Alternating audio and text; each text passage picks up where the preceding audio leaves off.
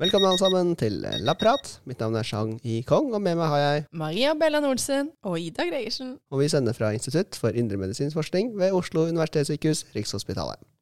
Og eh, jeg kom til å tenke på en ting eh, før vi kom inn i studio, for vi eh, spiste jo nettopp lunsj sammen. Mm. Dette med studentmat. det er, en, det er jo en, noe fra en, en svunnen tid, holdt på å si. Det er jo lenge siden vi har vært studenter, vi. Men var dere gode på studentmat? Altså god på mat i studenttida. Ja. Jeg- Det blei vel bedre etter hvert. Jeg tror ikke jeg kan dra hele, tida, liksom hele perioden under en kam, men eh, det var jo litt eh, skralt i starten. Det var det. Ja, Ja. Det var, eh, det, ja. starten var, eh, var dårlig, men det bygga seg opp. Ja, jeg tror eh, Altså, vi hadde, man hadde jo ikke så veldig mye penger, og så hadde jeg på en måte ikke så mye Jeg tror ikke jeg hadde liksom noe interesse for å lage mat heller. Jeg var liksom helt sånn Jeg kan ikke huske at jeg tenkte så mye på det. Nei. Så det var jo mye sånn liksom halvfabrikata og enkelt, og potetmos med ketsjup. Ja, det føler jeg er sånn klassiker. Det er superbillig, da. Ja. Ja. Nei, jeg fikk litt flashback til det da jeg satt og gomla tørre brødskiver med makrell i tomat. Det Ja. var liksom eh, det tristeste av det triste, på en måte. Eh, jeg, jeg spiste det til middag da, i, i eh, de verste periodene. Så da fikk jeg litt flashback til studietida, altså. Ja. Ja. ja, det kunne jo være litt kjipt. Men jeg, men jeg tror jeg For det første så var jeg liksom litt heldig. Før når jeg flytta hjemmefra, så flytta jeg sammen med min storesøster. Eh, Så sikkert liksom, Hun var litt mer inne i gamet, hadde kanskje litt mer penger. Og så gikk jeg jo på ernæring, og der var folk så sinnssykt opptatt av mat. Ja. Så vi møttes veldig mye, eh, særlig første året var det sånn supersosialt, og det var veldig hyggelig. Vi møttes veldig mye og liksom lagde mat og gjorde ting sånn. Vi spiste mye, da. Jeg husker søstera mi sa sånn Ja, det er bra, du er glad i å bevege deg, liksom. Så hadde ikke gått så bra, for dere spiser altså så Eller er, liksom, det er bare mat hele tida. Ja. Ja. Så jeg tror ikke egentlig jeg hadde det så veldig vondt, men, eh, men ja. Ja. Vi fikk en eh, i kollektivet som flytta inn med meg, en, eh, en molekylærbiolog, eh, Ja. og også en hardrocker. Ja. Eh, han, eh, han kunne ingenting. Nei. Så han flytta inn i vårt jentekollektiv, så måtte vi lære han eh, å sette på Hvordan han satt på stekeovnen når han skulle steke? Grandiosa. ja for, for Ja. dette er jo på den tida der steikeovnen bare var en sånn, altså, et lite hjul du skrudde på. Eh, stemmer det. Ja. Så han, han kunne ikke steke Grandiosa engang. Så det vi innførte da, var en dag i uka hvor vi gikk gjennom de klassiske sånn husmannskostrettene. Så det lærte han, og så lærte han å vaske tøy, og vi hadde også en sånn oppsetning på hvordan vaske rommet ditt, og det var ikke måte på hva han lærte var deg. veldig ordentlig, da. Ordentlig kollektiv. Ja, ja, vi var, ja det, var, det var kjempebra. Ble skikk på den. Det ble skikk på han. Ja. Han pleide å si at bestemoren sa det at de åra der var hans militære. Nettopp. Det er veldig bra. Ja. Ja. Men før vi pjatter oss av gårde, skal vi kanskje komme i gang med prosjektspalten, Ida? Yes, det, det er bra du hanker oss inn igjen. Forrige gang så var det jo eh, eh, Var det vel sånn at dere hadde sett at disse musene de eh, responderte på insulin. Ja. Så de var ikke insulinresistente. Resistente. mm. Men så skulle de gjøre enda en sånn eh, litt rar toleransetest. Ja, pyruvat toleransetest. Pyruvat, ja. Ja. Mhm. eh, Det er et mål på glukoneogenese, altså hvor flinke er disse musene til å produsere glukose mm eh, fra utgangspunktet pyruvat. Og hvorfor blir pyruvat fra sjang? Det får vi fra nedbrytning fra aminosyrer, eller litt grann fra fett. da. Ikke så mye, men glyserolet eh, som fettmolekylene er festet i, kan eh, inngå i eh, glukoneogenesen. Tusen takk. Bare hyggelig. Ok, men hvordan gikk det? Eh, Det gikk veldig bra. Ok? Eh, Vi klarte det igjen på første forsøk, Maria. Å ja da. Ja, vi har blitt gode på det der. Vel, altså, det er jo du som er god på det, Sjang. Altså Når du sier klare det, hva betyr det? At liksom det ikke noe At det ikke skjer noe. Det ikke så- skjer sånn, noe, Som liksom. at noen ringer meg, jeg må svare. Ja, ja. altså, ja, Ja, sånn som det gjorde en gang. Vi, Ja, vi ja, trenger ikke snakke mer om det. Nei. Nei, men, eh, riktig, ja. Ja. Ja. Ja, men det gikk veldig bra. Ja. Eh, Men det vi fant, var jo litt, eh, litt overraskende, Ok. eh, kanskje. Det er at disse musene, mutante musene våre, eh, de får høyere nivåer av glukose. Eh, Så okay. det ser ut til at de kanskje eh, kjører glukoneogenesen eh, litt eh, kraftigere da, enn normale mus. De lager mer enn Eller de kanskje trenger, eller? Ja, og, Det vet eh, man kanskje ikke. Ja, og det, det knudrer jo litt til eh, vår hypotese om at det kun er pga. Uh, dårligere utskillelse av insulin. Ja, ikke Eh, sant. men så eh, snakket jeg litt med vår gode kollega Sverre Holm, som eh, lytterne våre også har eh, blitt kjent med. Eh, og han eh, foreslo jo at eh, det kan jo tenkes at når, vi, når disse musene da, eh, produserer mer glukose, så sliter de jo, så vet vi at de sliter med å eh, bli kvitt det igjen fra blodbanen. fordi Ja. de ikke produserer nok insulin. Ja. Og at dette kan rett og slett være eh, et resultat av at de ikke produserer nok insulin. ja, ikke Som sant. i Så grunnen er det vi de tror de ikke får glukose fordi de ikke har nok glukose. Men problemet er at ikke de får nok insulin. Ja, det, jeg føler du må Det forklare det. Ja, det ble litt voldsomt. Ja, eh, så ved en, eh, en sånn pyruvat toleransetest så lager jo musa glukose. Mm. Sånn at de har veldig lite glukose i blodet til å begynne med. Mm. Og så øker den, denne blodglukosen eh, etter at vi har gitt dem pyruvat. Og så eh, måler vi glukose eh, over to timer. Og i normale mus så ser vi at eh, dette glukosenivået senker seg igjen, altså det går nedover igjen. Mm. Eh, men det gjør det ikke i våre mutanter. Nei. Eh, og da er spørsmålet er det fordi mutanten lager mer glukose, Mhm. eller er det fordi mutanten ikke klarer å kvitte seg med glukosen? ah, ja, nettopp. Ikke sant. Ja. Så dere får kanskje ikke egentlig Jo, men. Ikke helt ennå. eh, Men kunne vi da målt, hvis vi måler insulin samtidig, da får vi svar på det her da, eller? Det kunne vi ha gjort. Mm. Eh, da, måtte vi, eller da må vi gjøre denne, dette forsøket på nytt. Ja. Eh, men jeg har et forslag. Oh, ja. Ja, for eh, vi vet jo at det er levercellene som eh, utfører glukoneogenesen. Mm, Så jeg har en plan om å isolere dem fra musa, ja. og så teste dette ut in vitro. Altså i celleskål. Ja.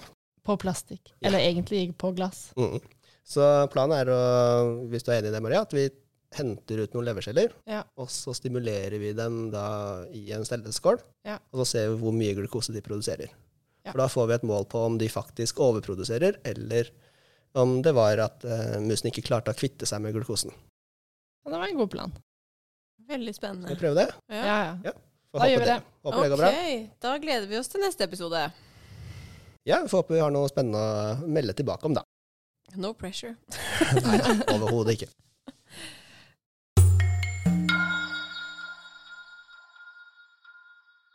Så skal vi inn i episodens tema. Og i denne episoden så skal vi snakke litt om hvordan det ser ut inne i en celle.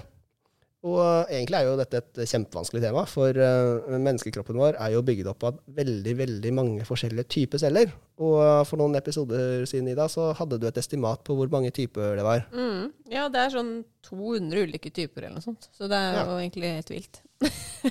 og i tillegg så er det jo sånn at de eh, de kan ende, altså de kan jo på en måte Noen celler kan bli eh, holdt på å si andre celler, og de kan bytte karakterer og ja.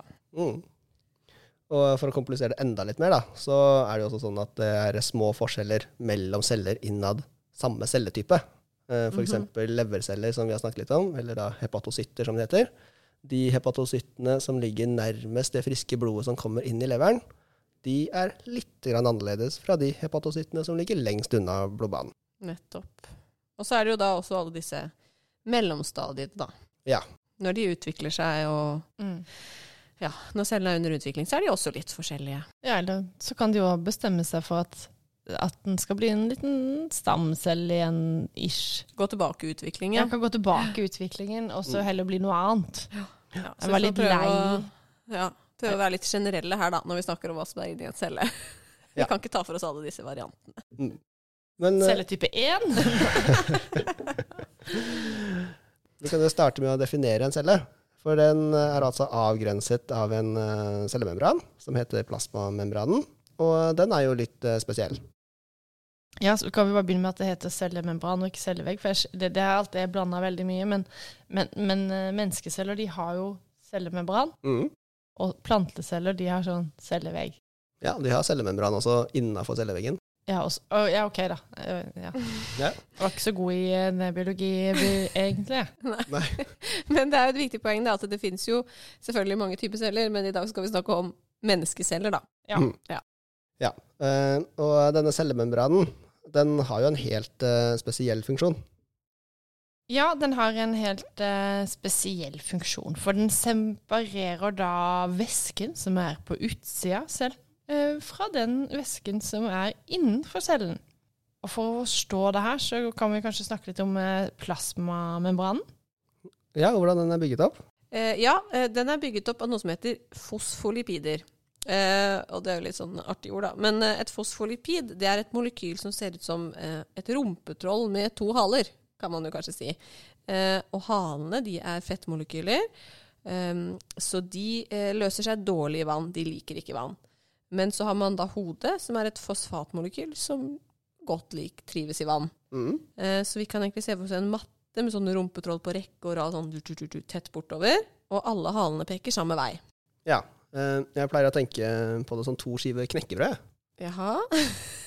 Ja, eh, for, for knekkebrød har jo en ruglete side og en glatt side. Ja. Eh, Og så kan vi tenke oss at den glatte sida, det er fosfathodene.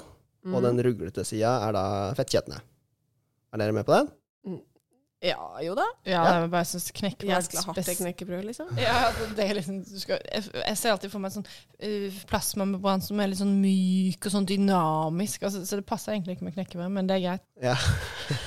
Et litt sånn uh, litt mykt knekkebrød, da. Ja, du skal Ja. få den. Eh, Og da er altså plasmamembranen to skiver knekkebrød som ligger oppå hverandre, Mm. der de ruglete sidene vender inn mot hverandre. Ja, så du har på en måte hodet, som Mhm. liker vann. Ja. Fetthaler, fetthaler, hode. Så de ligger egentlig med halene mot hverandre og gnukker, da. Ja, stemmer. Mm. For uh, fetthalene liker hverandre, men de liker ikke vann. Ja. Ikke sant. Så OK, så det her vi oppnår med denne strukturen uh, da, uh, det er at vi har en hinne med fettmolekyler som skiller innsida og utsiden av cella. Og rundt omkring på denne dynamiske eh, membransjang mm -hmm. så er det ulike proteiner som da kontrollerer hva som får slippe inn, og hva som får slippe ut. Og, og så kan du også ha mm, f.eks. molekyler som kan binde ting, sånn som insulin. Mm. Mm. Ja, og så har man jo kolesterol, eksempel. Ja, det er jo kjempeviktig. Mm. Ja, og, og vi har jo eh, snakket mye stygt om kolesterol i denne podkasten, siden eh, det er en pådriver av aterosklerose. Mm. Men eh, vi er jo faktisk helt avhengig av å ha kolesterol i kroppen vår, da i cellemembraner. Og um, kanskje vi kan si litt om funksjonen til kolesterol her? Mm, ja. ja, det er veldig viktig. Um, kolesterol den stabiliserer membranen og er med på å regulere det vi kaller membranfluiditet. Mm. Uh, litt rart ord, eller vanskelig ord. Men um, eh, vi vet at plasmamembranen er jo da en hinne av fett. Og så hvis vi tenker på, på, på eh, erfaring vi har fra kjøkkenet, da, så vet vi jo at fett det kan stivne når temperaturen blir for lav. F.eks. hvis vi tenker smør i kjøleskapet. da. Eh, og så glir de liksom litt fra hverandre når det blir for varmt. Eh, I stekepanna, kan man jo si. Ja, Så kolesterolet det er jo da med på å sørge for at eh, plasmamembranene våre, eller ja, disse to knekkebrøda, da, Mhm. eh, tåler temperatur. At de på en måte er liksom fleksible i alle temperaturer, da. Mm. At, det, at membranen er stabil. Ja, ikke Ja. sant. Men eh, la oss tenke oss at vi nå sitter inne i en celle. Og for enkelhets skyld så kan vi jo tenke oss at vi er i en sfærisk celle, altså en kuleforma celle. Så da sitter vi inne i vår lille boble. Hva er det vi ser rundt oss eh, da? Ja, Maria, det er jo du som hopper inn i cellene her, så Ja, altså sånn. ja, jeg kan være ganske, For meg er det ganske enkelt å se for meg at jeg er inne i en celle. Ja, Gjør det hver dag, si. Ja, jeg gjør det. Jeg gjør det hver- Nå skal ikke jeg komme med en sånn lang digresjon, di- di- digresjon her, men det kommer jeg til å gjøre likevel. Ja. Fordi, f- fordi jeg føler eh, sånn hver dag når jeg er på jobb, så går jeg på en måte OK, der står jeg opp, og så er jeg en del av verden, og så, så går jeg inn i kroppen. Og sånn, sånn I løpet av en dag så er liksom hodet mitt inni kroppen, inni cellene. Altså den er der hele dagen og tenker på ting og tang, og hva sier den til den, og hva skjer inni der. Det er litt sånn, hva heter det, flukten fra nyresteinen? Nei. Ja, ja men sånn Du er litt der, liksom? Ja, sånn er det. Ja. Så kan jeg bli litt sånn, så tenker jeg da på andre som sitter på kontorer og jobber liksom Jakten på nyresteinen. ja, men typ, jobber Ja. med shipping eller jeg vet da søren. Ja, ja, liksom. ja. Da, er de, da er de ute i verden, skjønner du. Ja. Mens jeg har brukt hele dagen inne i kroppen. Det kan jeg bli, det kan jeg bli litt gæren av og til. Men eh, ja, så jeg ser veldig for meg at jeg nå kommer inn i cella. Ja, hva ser vi? Og hva ser vi? Jo, jeg vil tro at noe av det første du ser, er en del sånn um, filamenter. Ja. At det er masse sånne der, eh, kabler, egentlig. Mhm. Som kan, de kan være forskjellige sånn transportruter rundt inni cella. Eh, altså, Nå skal ikke gå på tall på det her, men det fins vel tre typer eh, filamenter. Sjang? Eh, ja. Eh, aktinfilamenter. Ja, Intermediære filamenter. to. Mikrotubuli. Takk skal du ha. Du er veldig god, altså. Jeg blir imponert. Ja, tusen takk. Men, og de her filamentene de er også viktige for å være um, Det er på en måte cellens skjelett også. For Du kan jo bruke det til transport, men også skjelett. For når du, skal, når du er en celle og har lyst til å bevege deg f.eks. Langs, langs en årevegg, så trenger du å forandre fasong. Så det blir liksom sånn en baby som ruller, eller en sånn liksom geléklump som bare bortover eh, Mm. åreveggen. Og da er de her eh, filamentene veldig viktige. OK? Ja. Vi har jo andre organer også. Eh, Kanskje noen andre vil eh, nevne et par? Eller? Er er, ja, vi har jo veldig mange av det vi kaller organeller. Har du òg kommet inn i cella nå i dag? Eh, ja, for meg er det ikke så liksom, visuelt. Jeg føler ikke jeg sitter der, liksom. Men jeg ser liksom for meg deg, egentlig. Liksom nå, egentlig. men eh, ja, jeg er jo også liksom sånn dykker inn i kroppen, men kanskje ikke liksom like mye som du, da. Eh, men ja, vi, vi har jo i hvert fall mange organeller. Eh, og det ordet minner jo litt sånn org om organer da, som vi har inni oss, og det er jo egentlig også litt likt. Så vi kan jo på en måte si da at eh, organeller er cellens organer, på et vis, eh, som har ulike funksjoner. Mm. Um, og disse er da atskilte strukturer som, eh, som ligger inne i cellen. Eh, og de er atskilt da med hver sin cellemembran. Um, og mellom disse så har vi det vi kaller cytosol. Og det er en uh, væske, um, litt sånn geléaktig væske som ligger da rundt. Uh, og, og mesteparten uh, er vann, men det består også av proteiner og næringsstoffer og salter, og det på en måte cellen trenger for å ha et stabilt og godt miljø. Så vi, vi sitter da egentlig i en sånn geléaktig væske, og så ser vi masse kabler. Og så ser vi masse membranstrukturer rundt omkring. Ja. Eh, men eh, hvorfor trenger vi disse membranstrukturene? Altså, hvorfor må de være atskilt? Jo, altså det er jo en um, måte for celler å kontrollere um, hvilke prosess som som skjer, da. Så eh, altså, det, i midten her så har vi jo kronjuvelen, eh, som er um, cellekjerna. Og for vi har jo snakka en del om DNA, og at vi får eh, Ja, det, det er kode for gener og Eller for Ja, det har vi jo kode for gener. Ja. Kode Ja, ja, ja. Ja, men sant, i, og, og det blir jo bevart inni cellekjerna, inni kronjuvelen. Og det, og det er jo veldig viktig derfor for å eh, beskytte DNA-et, og, og eh, sånn at de prosessene som skal foregå der, eh, gjør det. Mm. Ja, og, og et annet eksempel eh, på en organelle er jo lysosomene. Eh, og det er jo et sted der cellene bryter ned ting til mindre komponenter. Eh, og i lysosomene så er det veldig surt miljø, det er lav pH, da. Så hvis ikke de, de hadde vært atskilt fra resten av cellen, så hadde jo rett og slett cellen dødd. Så der er jo cellemembranen veldig viktig, da. Eh, husker du jeg får snakke om det der forsøket med de makrofagene som spiste den eh, Kolesterolet? Ja, det kolesterolet som ble fluoreserende. Ja, ja. Ja, Mm. det var lysosomene. Når de, Mm. når, når de spiser det, så kommer det inn i kolesterolet inn i lysosomene, og siden det var lav pH der, så ble det fluoriserende. Mm. Altså der brukte vi på en måte en egenskap av cellen til vår fordel, da. Ja, til, Som en del av metoden, på en Ja. måte. det var en del av metoden. Jeg må bare skyte inn at uh, det å slippe løs det som er inne i lysosomene, er uh, en form for programmert celledød. Altså at cellen selv bestemmer seg at nå er det på tide å, å ta kvelden. Så eh, det er veldig viktig for eh, vanlige celler, da, eller normale celler, å holde det som er inne i lysosomene, faktisk inne i lysosomene. Mm. Ja. Så du snakker nå egentlig om apoptose? Ja, det er programmert celledød. Det, er jo liksom, det høres jo sikkert litt rart ut, da. Hvorfor skal vil cellen dø? Eh, Nei, det er jo blant annet en, eh, et kontrollpunkt for mm. at uh, man ikke skal få en kreftcelle, f.eks. At uh, noen celler merker på en måte at det er noe gærent med DNA, eller jeg har for mye DNA-skade nå. Mm. At uh, her er det ikke noe, noe vits å prøve å reparere det. Da Så er det det ofrer seg for fellesskapet, på en måte? Nettopp. Eller sånn. ja. Ja. Fordi du kan gjøre mer skade med å være, være syk, da. Ja. Men, men det brukes også til andre ting, eh, Chang. Eh, Hvis du eh, ikke hadde hatt eh, apoptose, så ville du fortsatt hatt svømmehud mellom, føttene di- eh, nei, mellom fingrene dine. Ja, føttene også. Og føttene også, for Ja. øvrig. Ja, det, så det skjer jo Ik ikke føttene, men tærne. Tærne, ja. Ja, ja, så det er en veldig viktig Mellom føttene. Det er sånn havfrue. Havfruevariant.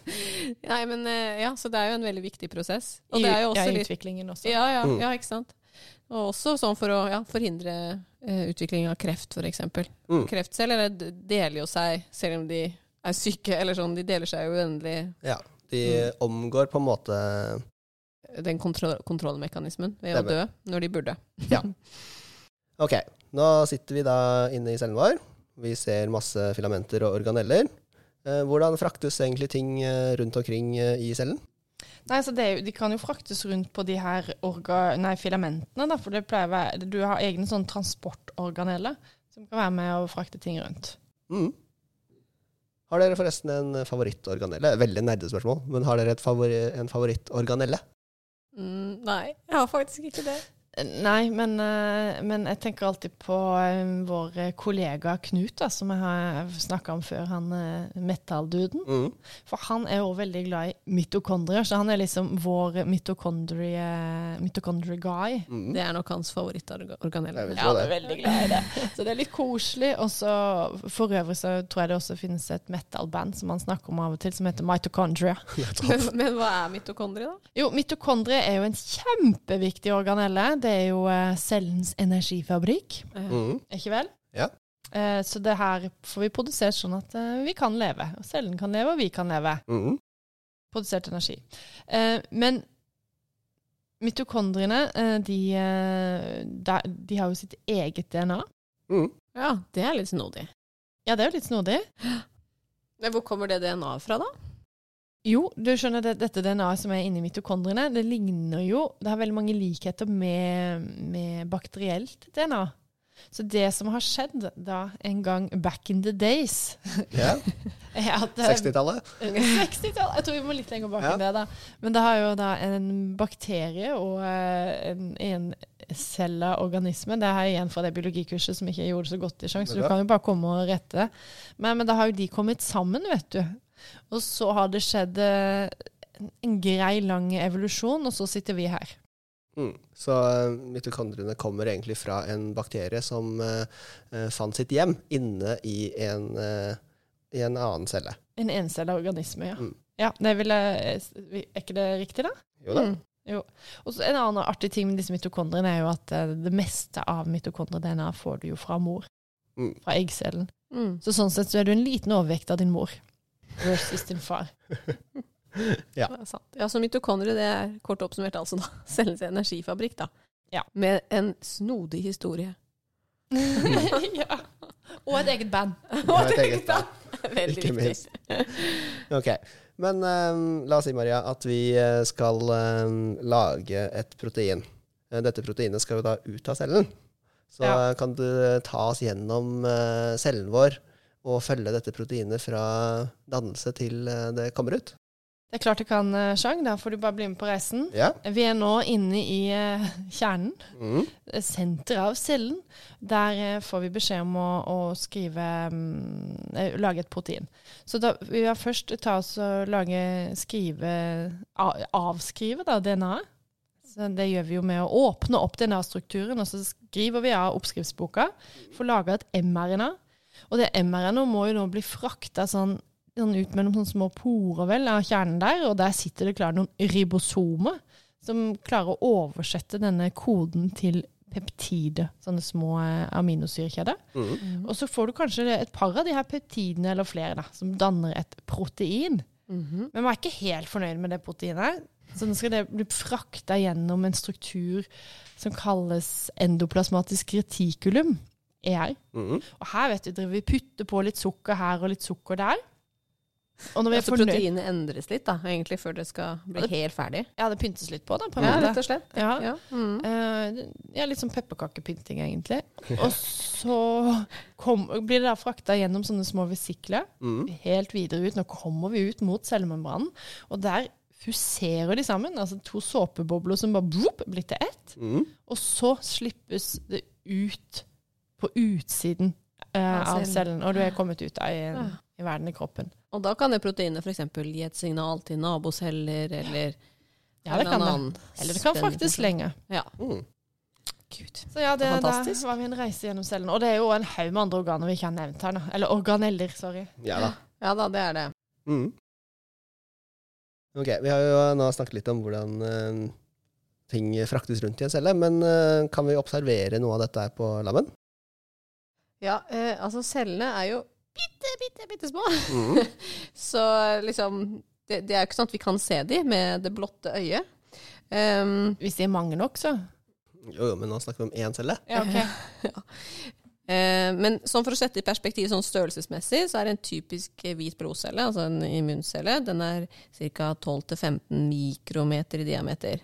Eh, og for å virkelig se strukturene til eh, cellene, da, så må vi bruke ulike mikroskop. Og det mest avanserte er kanskje elektronmikroskopet.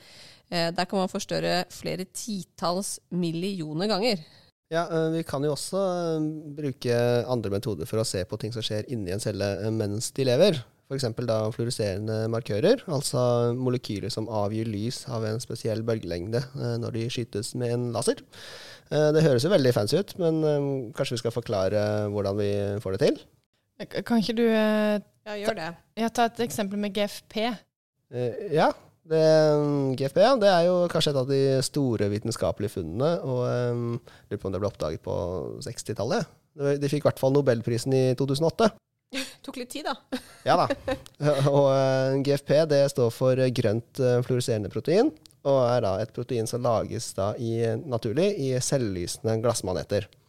Um, og så har vi hørt i en eh, tidligere episode at alle proteiner de har en DNA-kode, som er en oppskrift på hvordan dette proteinet skal lages. Og så er DNA-koden universell, så det betyr at alle organismer på jorda kan oversette denne DNA-koden. Og Derfor kan man da bruke genteknologi til å henge da dette GFP-proteinet bak på et annet protein vi har lyst til å studere.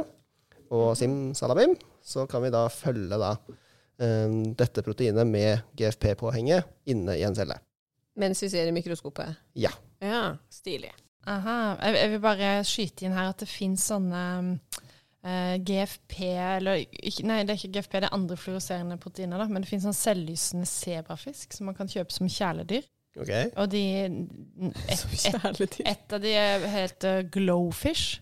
Ah. Det er, ikke, det er ikke lov å selge i Norge, så det fins ikke i Norge, men det her, jeg tror det her er kanskje USA. Ja, det er et amerikansk selskap som har hvert lager det. Um, men man har lov å bruke sånne genmodifiserte fisk um, på, i, ja, på laboratoriet, da, Mm. i, i forskningssammenheng. Så jeg husker at på, på studiet så var det noen som hadde en medaka-fisk, eh, og det er en, da en gjennomsiktig fisk. Og okay. den, der hadde de, um, den hadde de genmodifisert, sånn at GFP var kobla til et av hypofysehormonene. Sånn at eh, de kunne følge da utskillelsen av dette hypofysehormonet gjennom hele livsløpet til fisken. Fordi den var jo gjennomsiktig. Ja, Mm. så det var ganske nyttig. Mm. Men eh, kan vi kanskje komme med et eksempel på hvordan vi kan bruke det i vår forskning? Eh, skal vi ta insulin, da? Ja, for Se for oss hva man kunne gjort med insulin. Um, jo, vi kunne, hvis vi har lyst til å se hvordan en celle skiller ut insulin eh, når det stimuleres med glukose, så kunne vi genmanipulert den cella, sånn at GFP henger seg på insulin. Eh, og så kan vi da i et mikroskop eh, observere hvordan insulin transporteres gjennom og ut av cella eh, når du utsetter den for glukose. Mm. Eh, Og så kan vi jo kanskje legge til at et eh, alternativ som ikke krever genmanipulering, det er jo da å benytte seg av antistoff. Eh, Litt på samme måte som vi gjør det når vi gjør histologiske analyser, eh, som vi snakket om eh, i en tidligere episode. Da har vi altså hengt på et fluoriserende fluoreserende molekyl på dette antistoffet, som vi bruker til å feste til de strukturene eller de proteinene vi er interessert i. Og på den måten så kan vi se da hvor ulike proteiner eller strukturer oppholder seg eller beveger seg i en celle. Mm. Så veldig nyttig verktøy Ja. for oss. Som vi bruker ganske mye. Mm, absolutt. Mm. Nei, men så bra, dere. Jeg syns dette var fint, da. Ja, da har vi, da har vi tatt dere inn i cella for en, eh, En liten rundtur. en liten rundtur i cella. Litt sightseeing i cellen i dag. Men da er vi kanskje klare for eh, episodens eureka, Maria? Ja, og da er det bare å stålsette seg, for den her kan bli litt lang. Nå har det jo blitt litt mye andemat på meg i det siste, så jeg har jo måttet ta meg en time hos tannlegen. Altså andemat godteri, da. Ikke planta. Godteri. Ja, dette er tredje gang vi nevner andemat i denne podkastserien. Nå må vi få spons av snart. Ja, vi Ja, det må vi, men vi sitter jo og knasker det i hver det. pause vi har, så ja. Men da spurte eh, tannlegen min om hva hun tenkte var en av de største vitenskapelige oppdagelsene innen tannhelse. Og Hun ble først litt stuss over det her spørsmålet, eh, men etter en tid så kom det jo et svar, og det var jo da fluor. Aha. Ok. Mm. Og det er jo egentlig ikke så overraskende, men når vi, vi som vokser opp i dag, vi, vi, eh, vi vet jo ikke hvordan det var noen generasjoner tilbake. I hvert fall det hun sa til meg. Og da hadde jo nesten alle hull Mm. De hadde det i ett sett, og du var egentlig veldig spesiell da, om du var voksen og ikke hadde munnen full av fyllinger. da. Ja. Så derfor har jeg nå sjekka nettet. Og da er det jo en ny greie med å komme her, for det her har jeg faktisk ikke googla meg frem til, for jeg har begynt å bruke en ny søkemotor. Ok. Og det er en non-profit søkemotor eh, som bruker da de tjente annonseinntektene på å dyrke trær. Bare så vet, dere vet det. Aha. Ecosia heter den. Ecosia. Ok, Så hvordan fant man da ut at fluor beskytter mot karies? For karies det er verdens vanligste ikke-smittsomme sykdom som, i, um, som um, skyldes vanlige bakterier som finnes i munnen hos alle oss. Så bakteriene de lager syre som skader tennene. OK? Så Ja, nå, nå, med. nå har, har vi gå, nå er vi ikke i cella, men vi er på historiefortelling, men nå er vi liksom i historien, da. Ok? Så, Ja. så nå er vi Så nå er du i verden, Nå er, nå, nå er jeg ute i verden! Det er bra. Okay. Vi må det innimellom. ja. For nå er vi da i 1901. Og det er da en nyutdanna tannlege som heter Frederick Mackay. Han dro fra østkysten i USA for å åpne en klinikk i Colorado Springs. Og han ble jo da kjempeoverraska, for det, det han så der, at de som bodde der, eller veldig mange, de hadde sånn skikkelig brune tenner. Og mange de hadde så mange flekker på tennene at det så ut som tennene var dyppa i sjokolade. Mm. Og når han undersøkte, så var det da 90% av barna som hadde sånne flekker på tennene. Han kalte det Colorado Brown Stain. Ja. Men da, han, han var jo veldig en sånn luretype, da. Men han, i 1909 så fikk han med seg en kjent forsker som heter Dr. G. W. Black. Ja. Høres ut som sånn rappenavn. Ja. Han var nok en kul mann. Eh, men han blei ble jo med han og, og, og lette på det her da, helt til han døde, frem, han døde i 1915. Men de to da, de fant ut to viktige ting. Og det var at flekkene de kom mens tennene utvikla seg. Så hvis du var liksom Hadde du kommet deg forbi det her eh, Hadde du fått voksentennene dine, og de ikke hadde fått flekker, så fikk du det heller ikke. Nei. Mhm. Eh, og nummer to, det var at de tennene som var veldig brune, de var også veldig godt beskytta mot karies. Ja, så de var eh, brune, men de, det var ikke så mye hull i dem. Nei. Det, var, Ok, så det brune var ikke hull. det brune var ikke Nei. hull. Nei. De var, de var bare rare å se på. Ok. Mm. Ok. Uh, men de, altså, de visste jo ikke hva som ga de her brune flekkene. Men han McKay han eh, hadde en teori om at det var vannet som gjorde det. Mm. Drikkevannet, altså. Men han Black han var veldig skeptisk til det her, da. Og nå går tida her, for nå er vi kommet til 1923, og han der Black han er nå død. Men han Mackay han holder fortsatt på. Ok? Ja. Mm. Vi følger med. Og da har han fått tips da, om at noen har fått brune tenner etter at vannforsyninga ble endra. Og da, det han får til da jeg vet, det, ja, Han var jo en innflytelsesrik mann, han her, tydeligvis. For han fikk da styresmaktene til å skifte over til en annen vannforsyning. Og det her gjør jo susen, for etter en stund så får ikke de her barna brune tenner lenger. Og det var jo utrolig kult for Mackay. Eh, og da, fordi han, og da når han eh, og hooka tak i en eh, Dr. Groover Kempf, og da sammen med han her, da, så gjør de en del undersøkelser, og de får faktisk bekrefta at det er drikkevannet som gir brune tenner, og så lager de artikkel. Mm. OK? Eh, men selv om de har laga denne artikkelen, så vet de fortsatt ikke hva som gir de brune tennene. Nei, Nei. Så de, de skriver bare uh, de får brune tenner av dette vannet her. Ja. Ja. Så det her er step by step. Det er litt sånn som forskning er. Så jeg syns det er egentlig en god historie for hvordan ting foregår. Absolutt. Ja, ja. Og ting tar tid. Det er, Mhm. det er jo sånn det er. Ja. Noen dør underveis. Noen dør på veien. Og det er jo en del tilfeldigheter her. Og tilfeldigheten er det at han Det er en kjemiker som heter da Churchill. Og han leser denne artikkelen her. Um, og han har lyst til å undersøke vannet med en avansert metode eh, for tida, som var fotospektrometri. Mhm. Og det, han gjør jo det, og overraskende nok så finner han at det er fluor i vannet. Og det trodde de ikke at det var fra før. Men de kjente til fluor. De kjente til fluor, men de visste ikke at det skulle være i vann. Nei, Nei.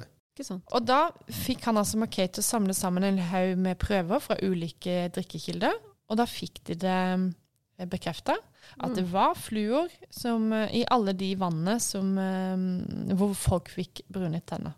Mm. Så de har nå løst problemet. Mm. Fluor gir brune tenner. Men, Litt ikke av, litt av en løsning. Ja, Ja, ja. Men nå, må vi, nå spoler vi igjen, eh, for åra går jo igjen. Eh, og de jobber med De klarer å utvikle en metode som gjør at fluor kan måles veldig mye mer nøyaktig. Sånn at du kan finne akkurat den der dosen som på en måte ikke gir brune tenner, da. Hvis du Mhm. skjønner? Du har fluor i vannet, men du får fortsatt ikke brune tenner. Nei. Og da er, nå, er, nå er det nå en som har overtatt, han er dr. Eh, Trendley Dean. Han eh, var en fyr som da leda eh, et av de største, eller de første store forsøkene med fluor i drikkevannet. For han hadde nemlig plukka opp dette med at de fikk jo ikke hull. Ah, ja. Så han, det kommer først der. det kommer først der, Ja. hvor han plukker det opp igjen, på en måte. Og bare Ja. OK, kanskje det kan være noe med denne her fluoren som vi bør teste ut. Mhm. Så det var derfor han fikk jo ja, de fikk på plass denne metoden. Og så fikk han nå i 1945 Så vi har jo gått en, en lang tid. Men etter mye frem og tilbake så har, får de da gjennom at de skal prøve å tilsette fluor i, i drikkevannet i en by som heter Grand Rapid. Og da er det et prosjekt som foregår i 15 år. Og de undersøker da 3, 30 000 skolebarn. Ja. Ok? Og da er resultatet det er altså så slående. Men jeg, da har de da tilsatt så lite fluor at de ikke får brudetenner. Men de tenker at Eller det skal være, hypotesen er at det er nok det er nok til å være Ja. beskyttet. Det er det de tenker. Ja. Og det her resultatet her er jo som sagt slående, fordi nedgangen i Karis var da mer enn 60% Ja. Og altså det, det, Man tenker kanskje oi, ja, de fikk ikke hull, men det har, så, det har hatt veldig mye å si Mm. for verdens folkehelse i ettertid. Fordi eh, dårlig tannhelse det bringer jo med seg en hel haug med andre ting. Mm. Klart det. Og, ja, ja. eh, Og andre sykdommer og infeksjoner og, og um, ja, det, det, Ja, og underernæring er man får vanskelig for å få i seg mat hvis det blir ille, da. Ja, ja, selvfølgelig. Så, så det her var jo Jeg tror det blir rangert som et av de tre største eh, funn innen folkehelse eller noe sånt. det. Nå husker jeg ikke helt, men det, var, det er høyt oppe på lista, altså. Mm. Rett og slett et eureka-øyeblikk som tok ja, 50 år, da. Ja. Det er litt så gøy, for jeg har blitt spurt flere ganger sånn Sier du noen gang eureka på laben? Da tenker jeg sånn jeg tror, nei, Det, Nei. tror jeg, det gjør vi ikke. Og Nei. det er jo ofte fordi det er liksom veldig sjelden at liksom ett funn er sånn Nå, der satt Mm. den, liksom. Nei. Ja. Det var jo den der tollen, da. Det var jo en litt sånn Ja. Den som jeg snakka om. Det, men Det er sant. Det skjer jo. Det er jo en grunn til at man eh, Ja. har eh, uttrykket. Men eh, det, det er liksom ikke hverdags for oss. Nei, Nei. vanligvis er det sånn brikke på brikke og, over god lang tid. Men, Men vi kan en- jo ha små eureka-øyeblikk. Det kan man. Jeg kan ofte ha mange av de, og så skjønner jeg at nei, det var ikke Eureka likevel. Opp- og nedturer, ja. ja. Det er helt sant. Ja. Men uansett så vil jeg si takk til tannlegen min for det her tipset. Jeg koste meg veldig med å lese om fluor. Mm. Takk for det. Tusen takk, Maria. Veldig morsom uh, Eureka. Og med det så takker vi for oss for denne gang. Men vi må kanskje minne våre lyttere om at de må følge oss. Ja, følg oss gjerne på Instagram, Facebook og Twitter. Og kom også gjerne med forslag hvis du har til tema vi kan ta for oss. Mm. Og så blir vi veldig glad hvis dere gir oss en rating, sånn at eh, enda flere kan finne vår podkast. Men eh, da skal vi kanskje på labben en tur, Det skal vi. så vi høres. Ha det.